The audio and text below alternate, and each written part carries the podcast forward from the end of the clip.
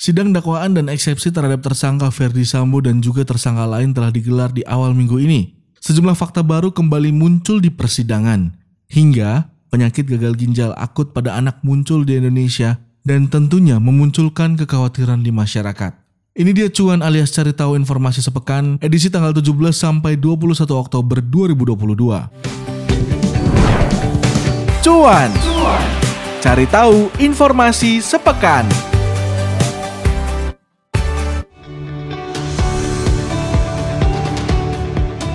Berita pertama, Ferdi Sambo, Putri Chandrawati, Riki Rizal, dan Kuat Ma'ruf telah selesai menjalani sidang perdana kasus pembunuhan Brigadir J pada Senin 17 Oktober 2022 lalu.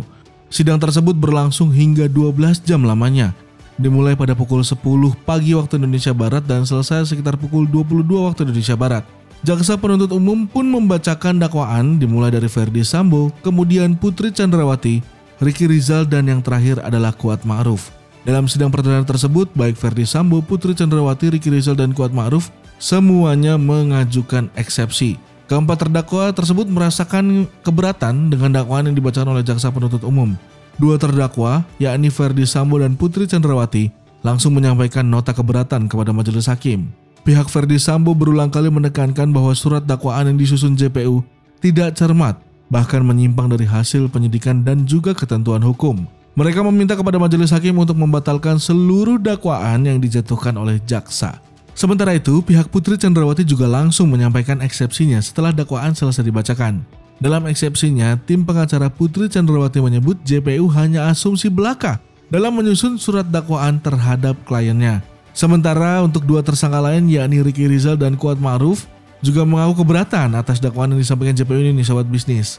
Meski demikian, pihak Ricky Rizal dan Kuat Ma'ruf tak langsung menyampaikan poin keberatan yang dimaksud. Selain mengenai dakwaan dan juga eksepsi dalam dinamika persidangan Verdi Sambo CS, Sobat bisnis juga bisa menyimak hal-hal unik dan juga hal-hal penting lainnya, mulai dari hadiah uang, kemudian hadiah iPhone, lalu ucapan terima kasih yang diucapkan oleh Putri Chandrawati. Nah, sobat bisnis bisa membaca detail dan lengkapnya di bisnis.com. Berita kedua, selamat kepada Heru Budi Hartono yang resmi menjabat sebagai penjabat Gubernur DKI Jakarta dan telah dilantik pada Senin 17 Oktober 2022. Heru secara resmi menggantikan Anies Baswedan yang telah mengakhiri jabatannya pada Minggu 16 Oktober lalu. Acara pelantikan dilakukan di kantor Kementerian Dalam Negeri atau Kemendagri dan dihadiri oleh Mendagri Tito Karnavian. Pelantikan Heru tersebut berdasarkan Kepres atau keputusan Presiden tentang pengesahan pemberhentian Gubernur dan Wakil Gubernur DKI Jakarta masa jabatan 2017 hingga 2022 dan juga pengangkatan PJ atau penjabat Gubernur DKI Jakarta. Tito menegaskan Heru dipilih setelah melalui seleksi dan persidangan oleh Presiden dan sejumlah menteri.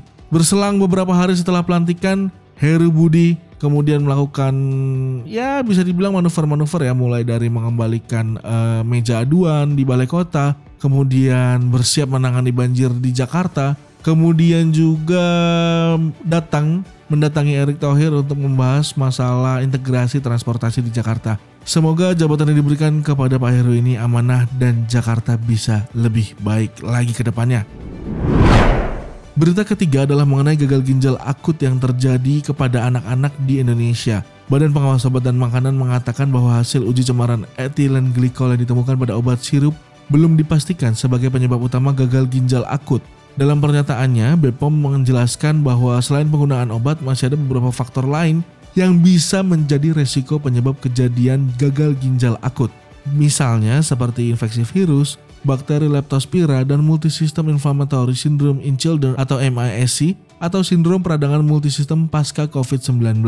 Sehingga BPOM tetap memberikan arahan kepada masyarakat untuk menghindari penggunaan obat batuk ataupun obat demam sirup.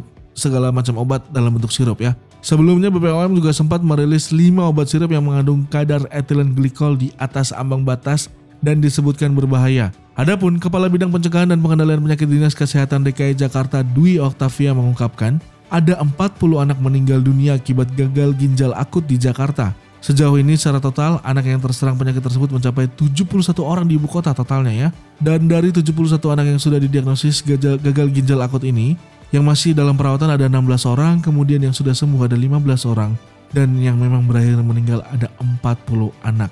Dwi menambahkan data tersebut merupakan gabungan dari kasus Januari sampai dengan 19 Oktober 2022 pukul 8.30 waktu Indonesia Barat. Adapun peningkatan terjadi di bulan Agustus hingga September dan juga Oktober. Tidak semua anak merupakan domisili di Jakarta tetapi mereka dirawat di fasilitas kesehatan di ibu kota. Adapun dari 71 kasus, 39 di antaranya memang berdomisili di DKI Jakarta, sementara 16 lainnya tinggal di Jawa Barat. Dwi pun meminta masyarakat untuk waspada terkait penyakit tersebut. Dia juga meminta orang tua untuk melakukan pencegahan agar anak tidak mudah terinfeksi penyakit termasuk dengan menjaga kesehatan, cuci tangan sebelum makan atau mengkonsumsi makanan dan minuman, dan juga memilih makanan yang dimasak sempurna dan mengurangi jajan apalagi kalau jajanannya tidak yakin kebersihan kesehatannya. Lalu juga diminta kepada para orang tua untuk memeriksakan anaknya ke vaskes terdekat, apalagi mengalami sejumlah gejala termasuk demam dan jangan lupa ikuti himbauan dari pemerintah termasuk untuk tidak menggunakan obat sirup terlebih dahulu. Ya sobat bisnis, terutama untuk yang punya anak-anak, tidak perlu panik, tidak perlu khawatir, ikuti arahan dari pemerintah. Jangan memberikan obat batuk ataupun obat demam sirup terlebih dahulu dan pantau secara berkala kesehatan anak Anda. Oke deh, itu tadi cuan alias cari tahu informasi sepekan edisi tanggal 17 sampai 21 Oktober 2022 dan menjadi pemberitaan yang di-highlight di minggu ini. Jangan lupa untuk tahu informasi-informasi lainnya, Sobat Bisnis bisa langsung cek di bisnis.com dan tonton video-video terbaru dan juga video-video informasi lainnya di YouTube channel Bisniscom.